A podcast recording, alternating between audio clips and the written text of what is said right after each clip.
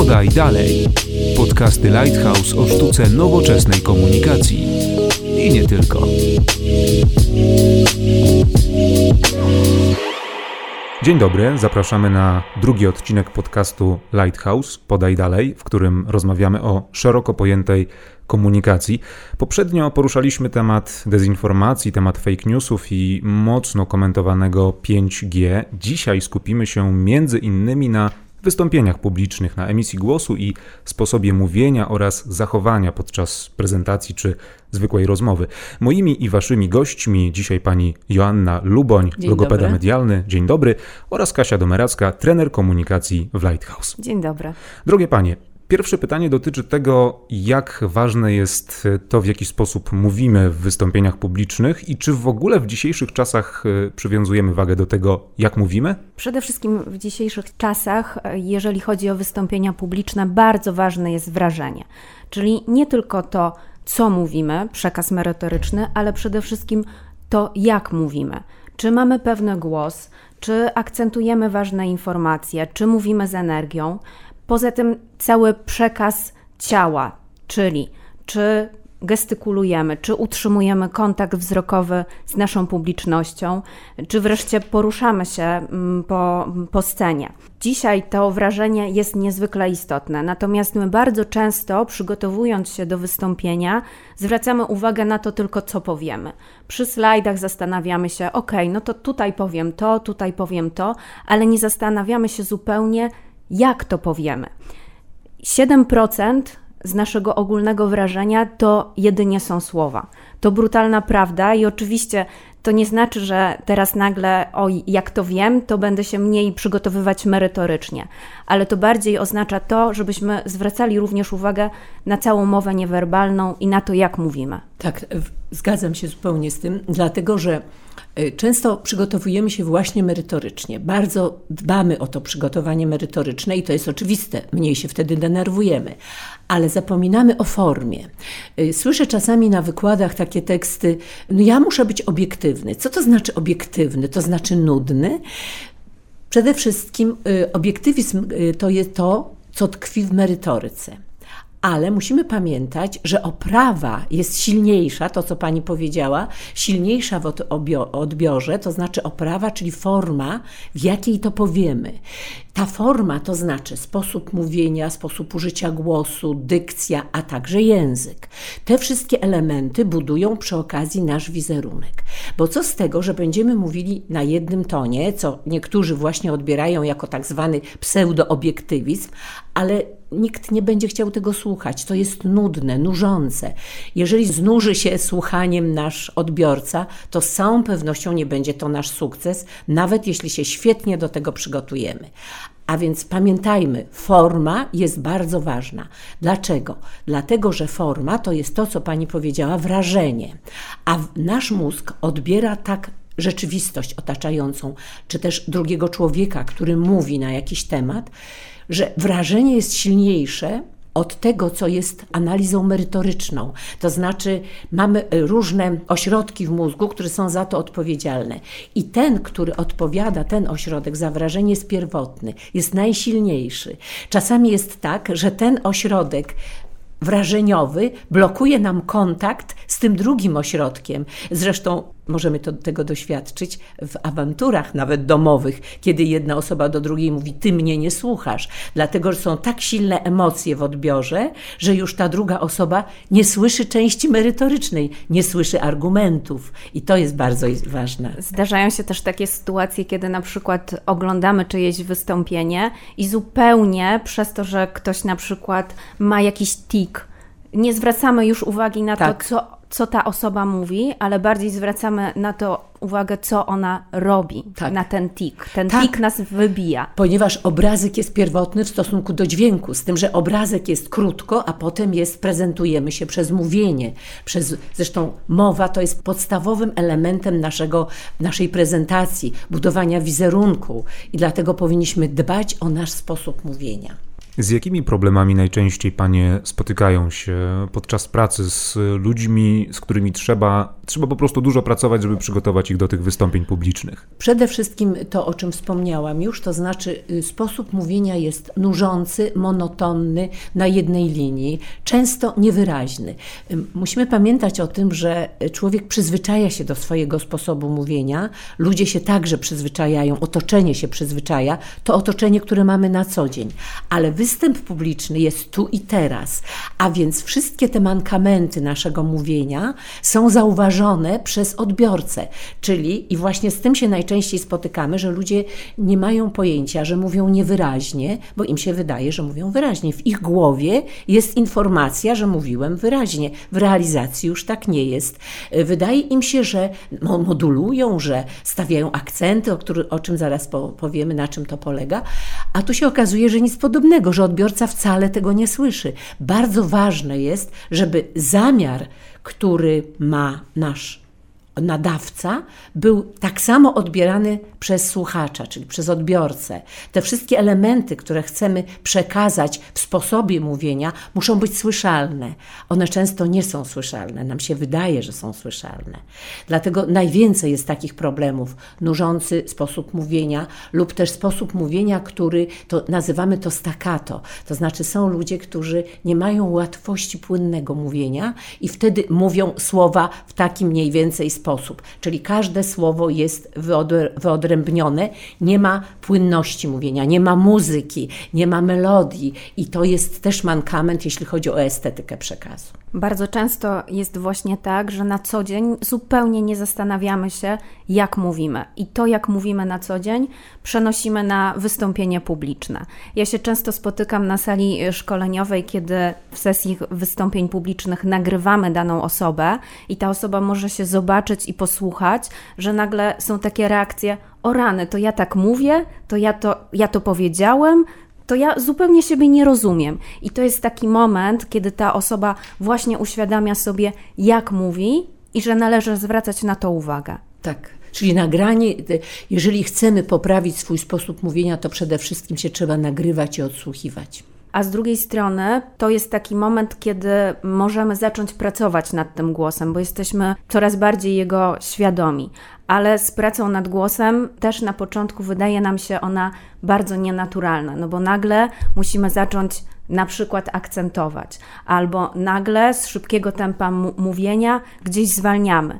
Ta praca na początku jest taka nie nasza, my się, my się w tym źle czujemy. Tak trochę jak z nowymi butami, czyli kupujemy nową parę butów, zakładamy i musimy trochę w nich pochodzić po to, żeby te buty stały się nasze. Podobnie jest tutaj z pracą nad głosem. Tak, praca nad, praca nad głosem jest dość spo, skomplikowanym procesem. Przede wszystkim na pewno na początku trzeba to zrobić ze specjalistą. W ogóle, mm, tak jak pani powiedziała, my siebie słyszymy na co dzień, trochę siebie słyszymy inaczej. My swój głos słyszymy od środka, przez system kostny, nie na zewnątrz. Zresztą potem, jak nagramy ten głos, to na początku nie możemy się do niego przyzwyczaić, bo go po prostu nie lubimy. Nie dlatego, to nie jest obiektywne, nie dlatego, że on jest brzydki, tylko dlatego, że on jest obcy. My nie, nie znamy takiego głosu. Nam się wydaje, że to nie jest nasz głos. Dlatego do tego trzeba przywyknąć. Ale co jest ważne? Ważne, my musimy uświadomić jedną rzecz, że nie ma głosów brzydkich. Oczywiście, że jak ktoś ma ładną barwę głosu, to jest ogromna, y, ogromna y, zaleta, ale to jest niezależne od człowieka. Natomiast każdy głos można ukształtować i ten głos trzeba kształtować na początku ze specjalistą. Nie ma innego wyjścia, ponieważ my sobie nie zdajemy sprawy co trzeba zrobić? W ogóle trzeba zaczynać od dykcji, bo to wszystko jest bardzo powiązane. Jeżeli szczęka jest na przykład zaciśnięta, czyli popularnie nie otwieramy, mówimy, że nie, otwiera się, nie otwieramy buzi, jeszcze dodatkowo w występie publicznym dochodzi stres, to wtedy następuje też napięcie mięśni języka, ale także krtani. I nasz głos brzmi źle, bo jeżeli mięśnie są napięte, to mamy głos wyższy, czasami nawet piskliwy i to jest drażniące i dla osoby mówiącej, i dla słuchającej. Natomiast jeżeli potrafimy technicznie rozluźnić szczękę. Oczywiście do tego są potrzebne specjalne ćwiczenia, dlatego to trzeba na początku robić ze specjalistą. Oczywiście specjalista jest po to, żeby ukierunkować człowieka, a potem dopiero może osoba sobie sama ćwiczyć w domu, ale już ukierunkowana. Bo jeśli próbujemy to robić sami, możemy iść w złym kierunku. I to wiem z doświadczeń wieloletnich, pracując w mediach, wiem, że ludzie często, ja to nazywam chałupniczy sposób pracy nad głosem, czyli nagle ktoś uważa, że jeżeli będzie mówił w taki sposób, to na pewno ten głos będzie ładniejszy. To nie o to chodzi, proszę Państwa. Przede wszystkim głos musi mieć określoną, określone pasmo, szerokie pasmo. Musimy mieć uruchomione rezonatory.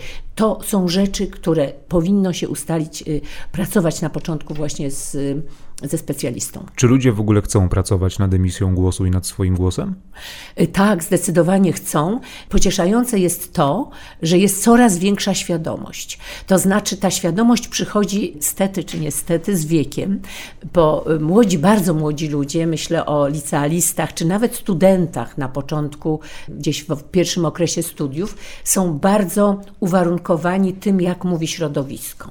Ale dopiero wtedy, kiedy wyjdą z tego środowiska i właśnie muszą występować publicznie, to okazuje się, że uświadamiają sobie, że jest coś nie tak. Często nie wiedzą co, ale czują, że ich sposób występowania, użycia głosu e, w trakcie występów publicznych nie jest dobry. I rzeczywiście wtedy szukają pomocy u specjalistów. Także jest to zjawisko, które w tej chwili, w ostatnich latach dość y, no, jest, y, nasiliło się. Popularne jest, że ludzie dzwonią i pytają i chcą się dowiedzieć, gdzie się można szkolić. Myślę, że to będzie coraz częściej, dlatego że problem jest jeszcze jeden.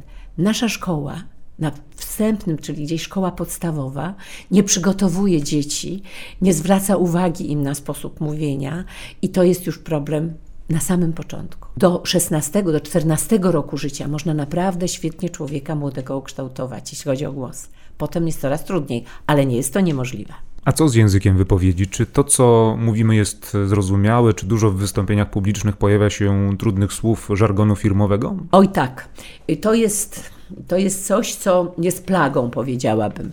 Dlatego, że ludzie, którzy występują publicznie, kompletnie zmieniają swój sposób komunikowania się, czyli język.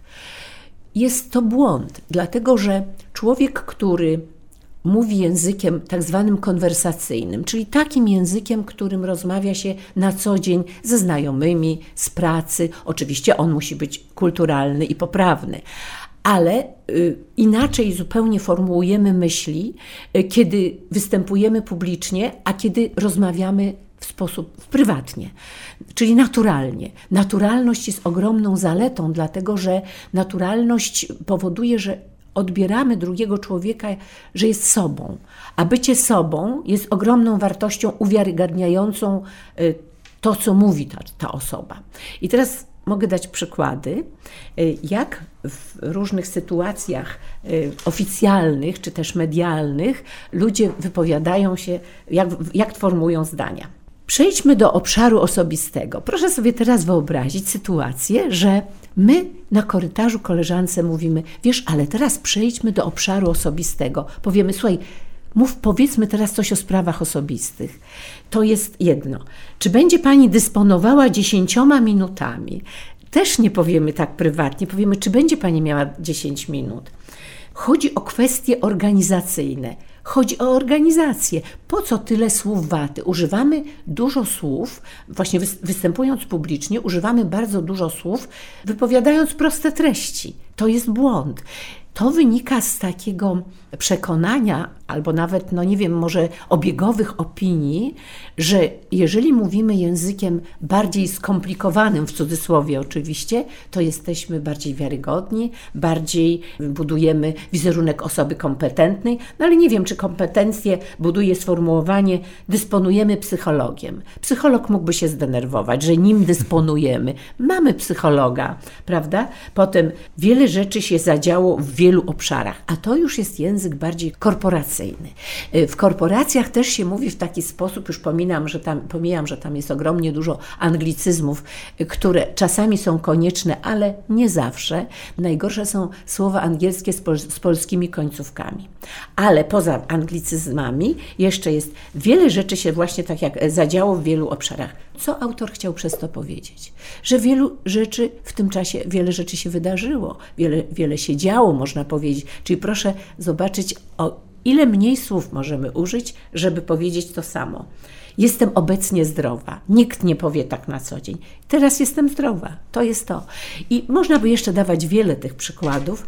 I proszę Państwa, unikajmy takich sformułowań w występach publicznych. One nie budują pozytywnego wizerunku nadawcy. Kasiu, ty pewnie, ty pewnie podczas szkoleń często spotykasz się z tym, że, że osoby, które chcą występować publicznie, boją się używać tego prostego języka. Boją się używać prostego języka, boją się, bo co kolega z pracy pomyśli, jeżeli ja coś uproszczę, więc często wplatamy słowa, które są w naszym języku branżowym, optymalizacja, fokusować, benchmarki, KPI i tak dalej, i tak dalej, a dla naszego odbiorcy te słowa są trudne, te słowa są często nie, niezrozumiałe. Często, nie, często niezrozumiałe. Często popadamy też w taką pułapkę oczywistości, to znaczy, jeżeli ja wiem, co dane słowo oznacza, to, to znaczy, że wszyscy wiedzą, co to słowo oznacza. Nic bardziej mylnego. I tutaj warto upraszczać, warto patrzeć na to, do kogo mówię, bo oczywiście przy konferencjach branżowych, przy wystąpieniach branżowych, pewnie ten język będzie się nieco różnił od tego do szerokiego grona odbiorców, ale tutaj też nie pozwalajmy sobie na to, żeby znalazło się dużo tych trudnych słów.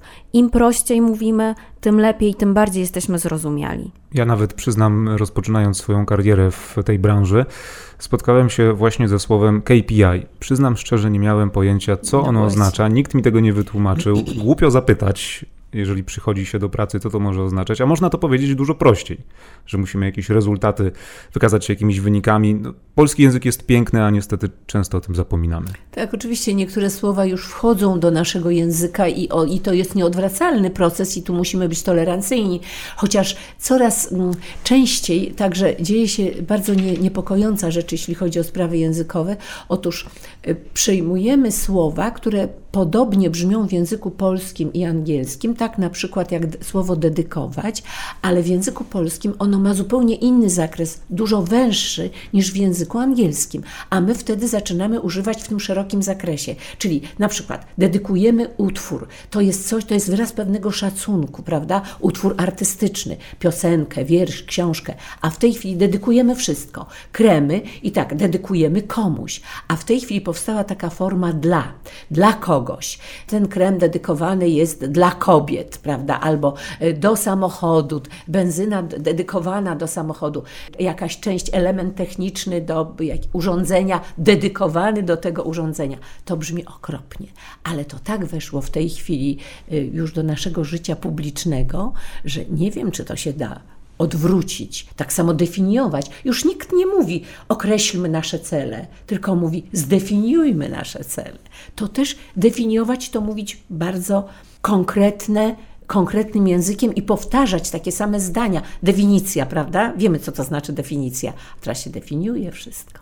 Także to są te rzeczy, które są nieuniknione pewnie, ale myślę, że warto mieć refleksję i warto jeszcze powstrzymać ten dziki pęd i mieć, y, myśleć o tym, że nie muszę takiego słowa użyć, jest inne słowo polskie, dużo lepiej brzmi. Często też to, że używamy te trudne słowa, może być powiązane na przykład ze stresem. W wyniku tego stresu, po pierwsze, nie potrafimy kontrolować swojego głosu, po drugie, nie potrafimy kontrolować tego, w jaki sposób mówimy, i może też w jakiś sposób rekompensujemy takimi trudnymi słowami te niedostatki. Myślę, że tak. To znaczy, to jest jeszcze taki problem, że wiele osób występu, którzy, osoby, które występują publicznie, wiele y, swoich wystąpień mają w języku angielskim. Ja widzę na szkoleniach, jak to wygląda. Ktoś przychodzi z prezentacją i mówi: Tak, ale ja mam po angielsku. Ja mówię: No trudno, poproszę po polsku. I widzę, jak w trakcie tej prezentacji y, prezenter zaczyna tłumaczyć sobie i często tłumaczy dosłownie, to brzmi okropnie, dlatego że dosłowne tłumaczenie często jest wręcz niezrozumiałe. I widzę, jak musi co pewien czas, nie może szybko znaleźć słowa polskiego, więc właśnie przeplata polskie zdania zupełnie niepotrzebnie angielskimi słowami. To jest problem, żeby się zdecydowanie przestawić z, z, jednego języka na drugi. Dlatego przed każdą taką prezentacją, którą trzeba powiedzieć po polsku, a mieliśmy kiedyś po angielsku, powinno się w domu to parę razy przepowiedzieć, żeby jednak przygotować sobie te ładne, okrągłe zdania po polsku. Poza tym samą trudnością może być dla nas to, że jeżeli tkwimy na co dzień w określonym języku, używamy konkretnych tak. zwrotów, to potem nagle trudno jest nam powiedzieć, co to słowo oznacza, powiedzieć je innymi słowami. Często mamy na szkoleniach takie ćwiczenie, no dobrze, ale no to wyjaśnij, co to znaczy, jak to, jak to rozumiesz.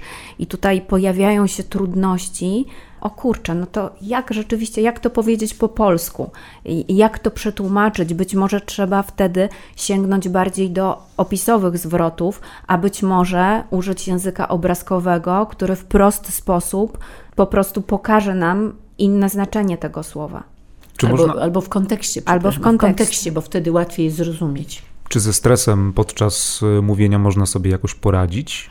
To znaczy, z tym stresem to jest tak. Podobno stres jako taki nie istnieje, my go sami nakręcamy. I jestem zwolenniczką tej tezy, ponieważ stres wynika z naszego myślenia o sobie. To znaczy, jednym z elementów, które trzeba wyeliminować w trakcie występu publicznego, to jest ocena samego siebie czy samej siebie w trakcie mówienia.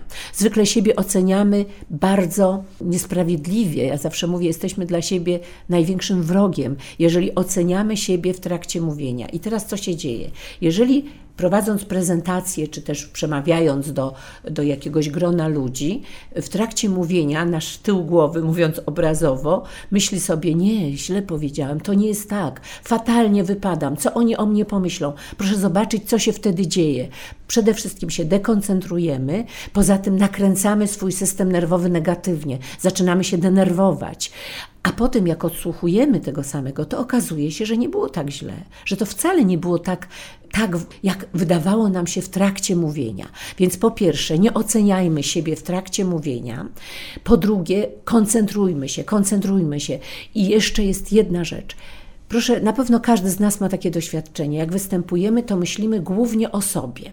To znaczy, jak wyglądamy, jak nas ludzie ocenią, jeżeli patrzymy na osoby siedzące na publiczność, to jak zobaczymy jakąś osobę, która mniej uważnie słucha albo wręcz nie słucha, nam się może tak wydawać, ale zaczynamy to odnosić do siebie. To my widocznie źle mówimy, to fatalnie, to ja już źle wypadam, źle mnie ocenią. Nieprawda. Po pierwsze, to nie jest wcale, nie, nie przeglądajmy się w oczach, w oczach tych ludzi. Mówmy to, co mamy do powiedzenia, koncentrujmy się, ale nie myślmy tylko o sobie. Myślmy na takiej zasadzie, człowieku, co ja ci mogę dać, co ja, jak ja mogę ci przekazać tę treść, żebyś jak najwięcej zrozumiał. Jestem dla ciebie, a nie Boże, głos mi się trzęsie, coś źle powiedziałam, pomyliłam się fatalnie. Nie myślmy tak. Myślmy o odbiorcy, a nie o sobie. To, co pani Joanna powiedziała, jest bardzo ważne, bo przede wszystkim to my znamy naszą agendę tego, co chcemy powiedzieć. Odbiorcy w ogóle nie wiedzą, co chcemy powiedzieć w wystąpieniu, więc koncentrujmy się na tym, nawet jeżeli czegoś zapomnimy, jeżeli gdzieś się pomylimy, idźmy dalej. Nie koncentrujmy się na tej pomyłce, tylko idźmy dalej. Tak, nie możemy bać, tak. bać się tej chwili ciszy, musimy cały ale czas oczywiście żyć. cisza to oddzielna tak, sprawa, ale to, co pani powiedziała, pani Kasia, bardzo ważne, że nie koncentrujmy się na pomyłce, dlatego, że pomyłka jest rzeczą ludzką i naprawdę czasami mm, my się pomylimy, ludzie nawet uśmiechają się do nas, prawda, bo sami też wiedzą, że się mylą, poza tym za chwilę o tym zapominają, a my tę pomyłkę jeszcze analizujemy przez długi czas i za każdym razem wydaje nam się, że to była nasza porażka. I nie dość, że w trakcie trakcie wystąpienia nas to rozbija, to jeszcze myślimy długo po. Tak, i to też jest bardzo, bardzo niedobre. Jak w takim razie przygotować się do takiego wystąpienia? Jak zadbać o głos przede wszystkim, bo rozmawiamy tutaj w głównej mierze o, o dykcji głosu, o dykcji, o głosie. To znaczy, jak powiedziałam, to jest proces dość skomplikowany i nie ma takiej możliwości, żebyśmy od razu przed samym wystąpieniem mogli się do tego przygotować. To jest proces wcześniejszy. Niemniej ważne jest, żeby być, no zacznijmy od merytoryki, mimo wszystko, że to wrażenie i ta oprawa jest taka ważna, ta oprawa, tak jak powiedzieliśmy, wzbogaca przekaz merytoryczny albo go osłabia, ale musimy być merytorycznie do tego przygotowani, bo to nam daje pewien spokój. To jest pewien cykl, prawda? Jeżeli mamy wewnętrzny spokój, bo jesteśmy dobrze przygotowani, to wtedy też jest mniejszy poziom stresu. A jak jest mniejszy poziom stresu, mówię teraz o sytuacji, kiedy człowiek jeszcze nie pracował ze specjalistą, a jeśli jest mniejszy poziom, stresu, to głos brzmi natur, bardziej naturalnie. Nie ma tych elementów, o których mówiłam, czyli napięcia mięśniowego języka, krtani, nie jesteśmy, otwieramy bardziej buzię, a jeżeli otwieramy, to wtedy też wypowiadamy lepiej samogłoski wyraźniej. Na tych samogłoskach możemy modulować głos, możemy e, wyrażać pewne emocje, które chcemy. No oczywiście na ogół powinny być one pozytywne. I to już jest ten pierwszy etap, czyli powinniśmy zacząć od rozgrzewki dykcyjnej, poza przygotowaniem merytorycznym, dykcyjna rozgrzewka. No jest cała masa takich ćwiczeń, ale zawsze zalecałabym ćwiczenia, które rozluźniają przede wszystkim żuchwę. To znaczy ćwiczenia, które powodują, że ta żuchwa staje pracuje trochę tak jak na gumce, a nie jest zaciśnięta, nie jest w taki sposób, bo wtedy głos zupełnie inaczej brzmi, oczywiście mniej korzystnie. Czyli rozluźniamy żuchwę. Cała masa ćwiczeń. Można sobie mówić samogłoski, na przykład wszystkie samogłoski z samogłoską A. Można po prostu obniżać żuchwę na luźno, trzymając język płasko na dnie jamy ustnej, oparty o zęby i po prostu op opada szczęka i zamykamy. Opada i zamykamy buzię. I to już jest jakiś rodzaj rozgrzewki, takiej podstawowej. Poza tym, jeśli chodzi o głos, na pewno rano trzeba trochę rozćwiczyć głos. Tu znowu ćwiczenia, które są potrzebne, powinny być dane przez specjalistę i potem już łatwiej jest nam y, to powtarzać sobie w domu. Na pewno należy, należy y, ćwiczyć samogłoski. One są ważne. My często ćwiczymy te nieszczęsne chrząszcze, które brzmią w trzcinie, ale one nie są często aż tak ważne, jak ważna jest samogłoska. Czyli skupmy się na samogłosce. Ona jest trudna wbrew pozorom. Na przykład mówmy wszystkie samogłoski z samogłoską A, żebyśmy, bo A ma najniższe obniżenie, największe obniżenie żuchwy, a inne mniejsze, więc już ćwiczymy i żuchwę, i ćwiczymy samogłoski. Możemy sobie po prostu wziąć takie ćwiczenia, które są też rozgrzewające, znaczy nawet nie rozgrzewające, ale uruchamiające rezonatory. Czyli takie mamę, mimo mu, mamę, mimo mu, mamę, mimo mu, mamę, mimo mu, mamę, mimo mu. No i jest, jak powiedziałam, cała masa innych ćwiczeń. Więc takie ćwiczenia rozgrzewające trzeba mówić rano wtedy, można sobie w samochodzie mówić, prawda, żeby, nie był, żeby ten głos nie był taki zaśniedziały, bo on po nocy na ogół jest, y, jesteśmy jeszcze nierozgrzani, mięśnie są nierozgrzane. Więc tutaj jest cała masa ćwiczeń, które powinniśmy sobie przyswoić. Oczywiście warto zrobić sobie short program, takich ćwiczeń, Czyli które... Krótki program. Taki krótki, tak, właśnie, krótki program. Widzicie Państwo, jak bardzo człowiek jest nasycony tymi, y, tymi słowami jednak obcymi. Czyli krótki program, który polega na tym, że będziemy rozgrzewali i głos, i aparat mowy. No i to już jest coś, to już jest. Poza tym, jeżeli będziemy mieli w swoim, w swoich, y, y, w swoim tekście jakieś trudne zdania, trudne frazy, to warto je wielokrotnie powtórzyć żeby potem nie było przeintelektu, przeinte, przeintelektualizowane. Nie, jeszcze raz zacznę, jak to niektórzy prezenterzy czasami mają problem. Także jak trudne słowa, wielokrotnie powtarzamy sobie frazę i też warto mieć taki zestaw słów, które nie tylko słów pojedynczych, ale słów połączonych, czyli we frazie. Koala i boa automatyzują oazę na przykład. I już wielokrotnie powtórzone daje nam otwarcie samogłoski. Znajdźmy przede wszystkim czas na przygotowanie się, to znaczy usiądźmy, żeby to, ta prezentacja nie była taka w biegu, że ja z jednego spotkania wchodzę na drugie i za chwilę mam prezentację. Znajdźmy ten, ten moment, kiedy siadamy i rzeczywiście zastanawiamy się, do kogo mówimy i co chcemy powiedzieć. I potem przećwiczmy to, co chcemy powiedzieć na głos, bo jak przećwiczymy to na głos, to nagle się okaże, że o kurczę, jednak nie wszystkie słowa, których używam, są zrozumiałe.